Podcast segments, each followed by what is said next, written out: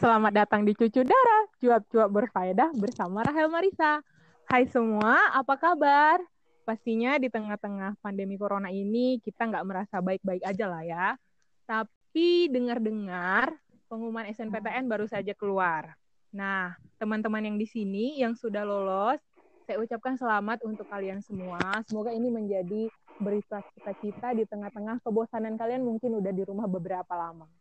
Dan untuk teman-teman yang belum lolos, nggak usah bersedih. Oke, saya spesialkan untuk kalian semua. Kita akan ngebahas harus banget nggak sih masuk PTN? Nggak sih lulus SNMPTN? Nah, untuk kalian semua, saya udah undang teman saya yang spesial di sini. Ada yang pertama ada Kak Christine, boleh say hi Kak. Hai semua. Boleh perkenalan singkat Kak, kira-kira eh, yang diperkenalkan itu namanya dulu sekolah di mana, kuliah di mana, dan sekarang kerjanya apa? Gitu. Kalau aku, nama aku Christine, alumni dari Psikologi USU. Sekarang tinggal di Sekarang tinggal di Jegarda. Juga ada ya. anak juga ada ternyata kakak yang satu ini. Ada satu kakak lagi, kakak kita yang manis dan lucu. Ada Kak Priska, boleh say hi Kak. Halo semuanya. Aku Fris- boleh perkenalan? Hmm? Friska, alumni dari Alumni dari mana Kak? Kurang kedengaran.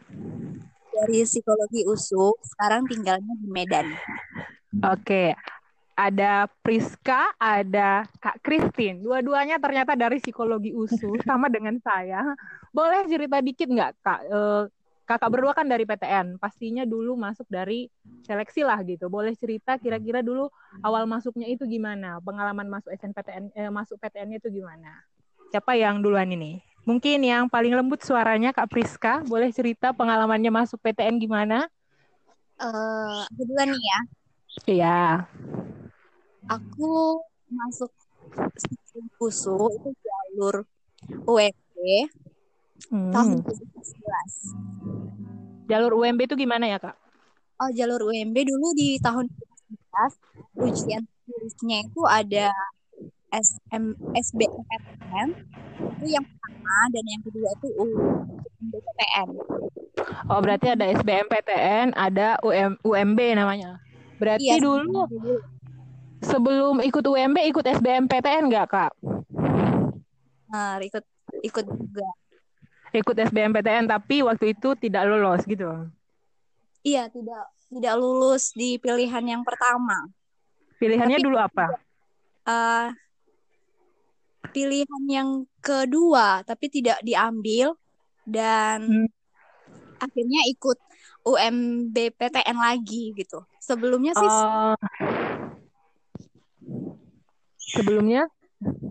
sebelum sebelumnya juga sempat mengikuti tahun lalu sih gitu. Ah, Jadi oh, aku berarti Gap year istilahnya. ya berarti da- eh, gimana ya? Dulunya udah SNPTN, terus coba lagi SBMPTN nggak lulus, terus akhirnya masuk di psikologi USU gitu kira-kira ya, Kak? iya benar. Nah, jadi udah gagal dulu, baru akhirnya masuk di psikologi USU. Oke, makasih. Kalau untuk Kak Christine, kira-kira gimana Kak pengalamannya waktu masuk PTN? Kalau aku sendiri sih eh, masuknya itu jalur SBMPTN yang ujian. Mm-mm. Kalau dulu namanya SNM sebenarnya, tapi sekarang SNM itu jalur undangan kan. Mm-mm. Hmm, Sekarang Oh, cuman Kak, SBMPTN yang tertulis ya Kak? iya jadi ujian tertulis gitu.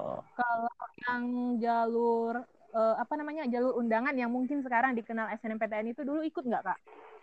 Enggak, tapi aku ada cerita sedikit tentang itu. Aku pernah sakit hati Oh, iya. karena SNMPTN. Boleh cerita dong Kak sedikit sakit hatinya. Jadi kan sekolah kami itu ya sekolah termasuk sekolah kampung lah gitu kan. Jadi Sekolah di mana dulu Kak? akreditasi SMA Negeri 1 Percut Saituan. Oh, percut itu. Nah. Masih masuk peta kok, Kak. Oh iya iya iya. Jadi waktu itu kan kami masih akreditasinya C. Mm-mm. Jadi kalau C itu kan berarti hanya sedikit yang akan diambil. Setidaknya hanya 40% yang diambil Mm-mm. dari sekolah gitu.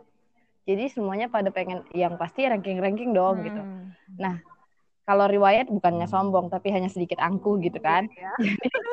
Dulu ke eh, dari kelas 1 SMA itu udah ranking, kelas 2 juga ranking. Hmm. Memang sini kelas unggulan gitu. Hmm. Masuk kelas unggulan kelas 3. Mm-mm. Anehnya itu ada nepotisme di dalamnya dan itu hal biasa menurut mereka tapi nggak biasa menurut aku gitu. Jadi banyak yang akhirnya beberapa anak guru Mm. itu dinaikin jadi ranking dan kita diturunin gitu. supaya Karena anak yang gurunya itu bisa ikut SNMPTN itu gitu. Benar, jadi satu ranking 1 sampai 10 itu di, dimaksimalin anak guru supaya mereka bisa ngambil SNMPTN. Jadi at least akunya yang harusnya menurut akunya gitu kan harusnya masuk jadinya nggak masuk Hmm. gitu. Ya ya, jadi berarti jangankan mau lulus SNMPTN, ikutnya aja nggak boleh gitu ya. Ikut aja nggak boleh, bener. Kak, sakit.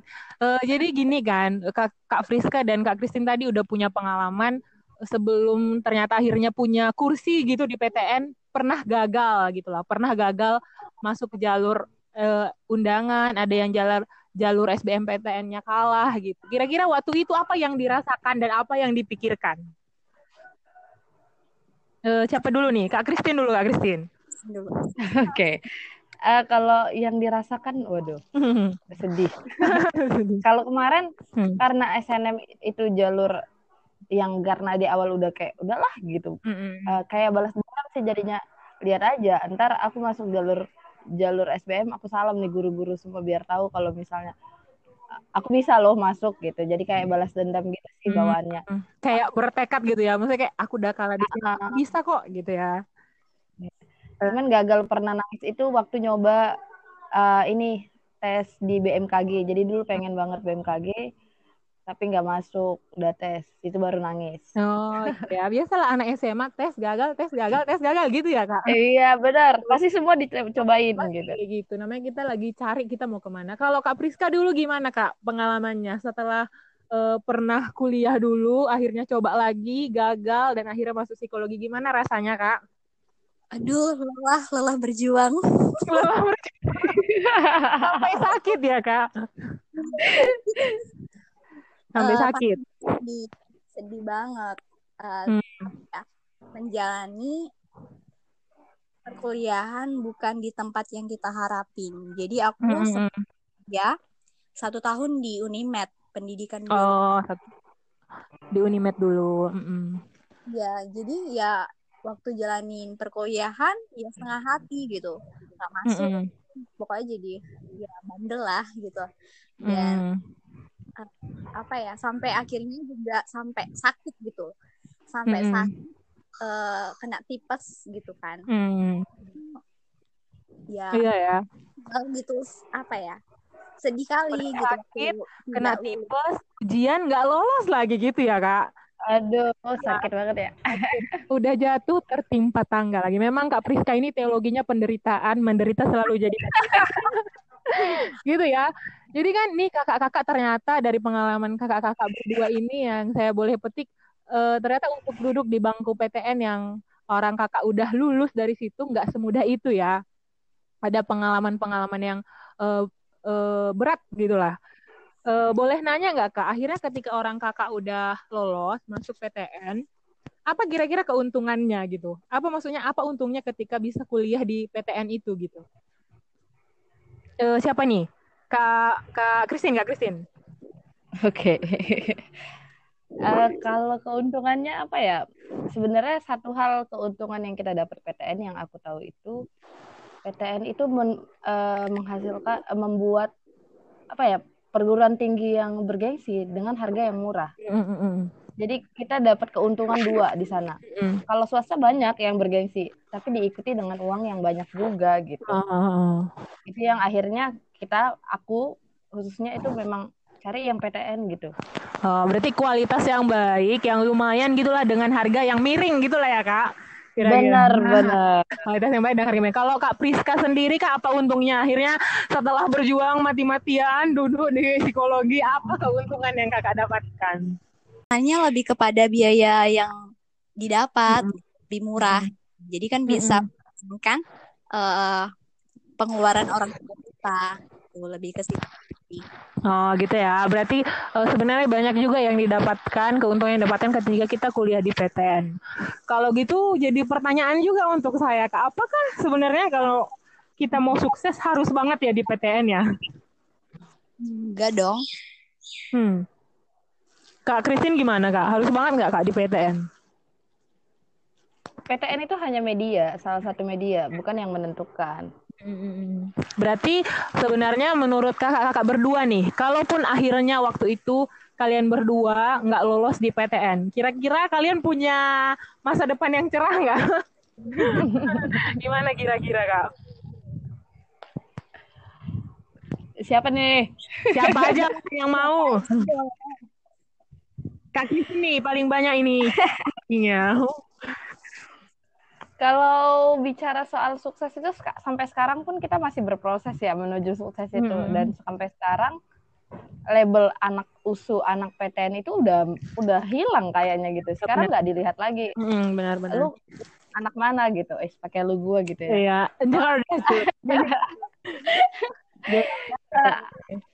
nggak ditanya lagi bahkan yang ditanya e, lu bisa apa gitu jadi intinya proses selama di perkuliahan itu yang penting mau kuliah di mana. Kalau kalau kita bisa proses kita kita tahu temukan jati diri kita kita latihan dengan apa yang kita punya dengan jurusan yang kita ambil.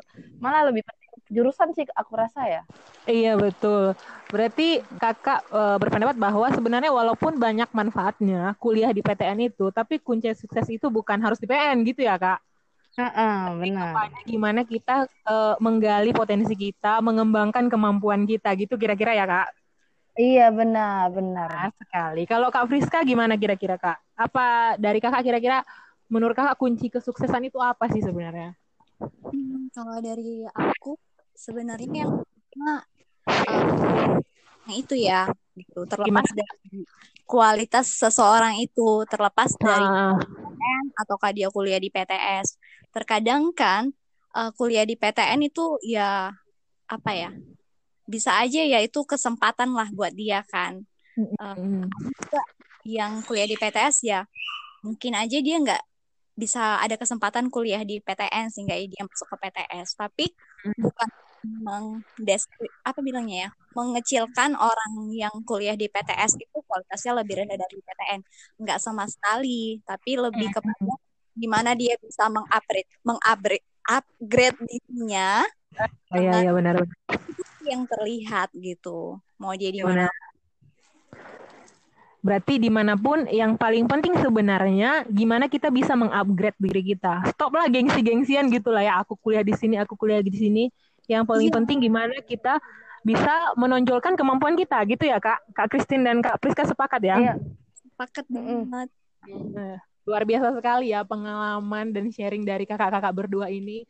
E, pertanyaan terakhir ini ya kak, kira-kira untuk kakak berdua di sini kan ada adik-adik kita yang e, mungkin gagal mencoba dari jalur SNMPTN ini. Apa pesan dari kakak-kakak berdua untuk mereka?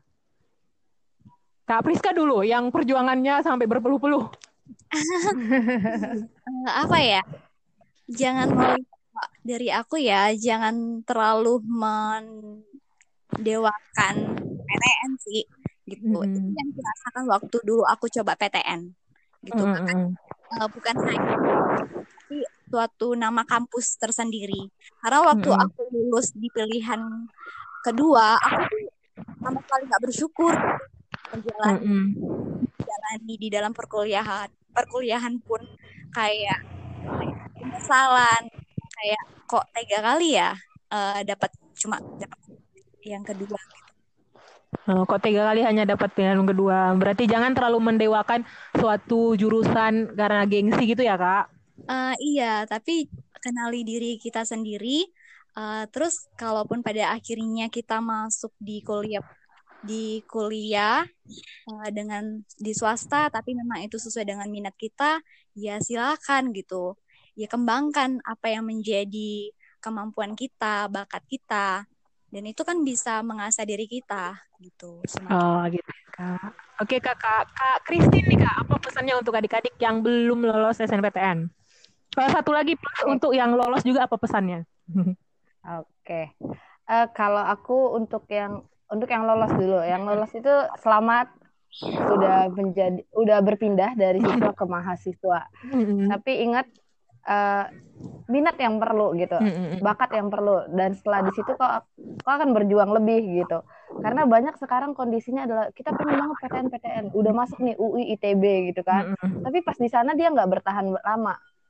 Akhirnya dia di DO lah. Banyak kondisi yang seperti itu juga gitu. Dia tidak memanfaatkan apa yang sudah dia dapat. Jadi percuma juga dong gitu. Jadi jangan pertahankanlah apa yang sudah kamu dapatkan sekarang. Mm-mm. Gitu. Mm-mm. Kalau untuk yang belum lulus eh, masih ada yang lain gitu. Mm-mm. Artinya masih ada nggak masalah kok kita mengambil PTN dulu, tapi jangan mendewakan itu benar kata Kak Priska tadi gitu. Mm-mm. Kita boleh menggapainya, ya namanya kita dapat paket komplit siapa yang nggak mau gitu kan. Betul. Jadi nggak apa-apa kita ambil, S- masih ada yang namanya SBMPTN, masih ada jalur UMB. Mm-mm. Tapi jangan turunkan standarmu, tapi naikkan kualitasmu. Ah, Itu yang selalu tagline eh, yang selalu Kan turunkan standarmu tapi naikkan kualitasmu gitu ya kak. Iya, jangan nanti hanya kayak yang penting PTN aja gitu. Itu kayak ah apaan sih gitu. Akhirnya masuk Kalau di yang jurusan penting- yang kita nggak tahu sebenarnya itu sesuai dengan kita atau tidak gitu ya kak. Iya, nanti kayak Kak Priska satu tahun merasa sia-sia. gitu. Iya benar benar benar. Oke deh, Jadi jangan turunkan gitu. ya ya. Tetap semangat. Oke kakak-kakak berdua, terima kasih sudah hadir di podcast saya menjadi narasumber yang mungkin nanti saya undang di eh, topik-topik yang lainnya. Nah itu Asik. obrolan kita hari ini adik-adik, jadi jangan patah semangat. Yang paling penting itu adalah bagaimana kita menonjolkan kualitas dari kita. Jangan menyerah sampai di sini, masih panjang perjuangan kalian. Tetap semangat. Oke semuanya, Yes. bye. Bye bye.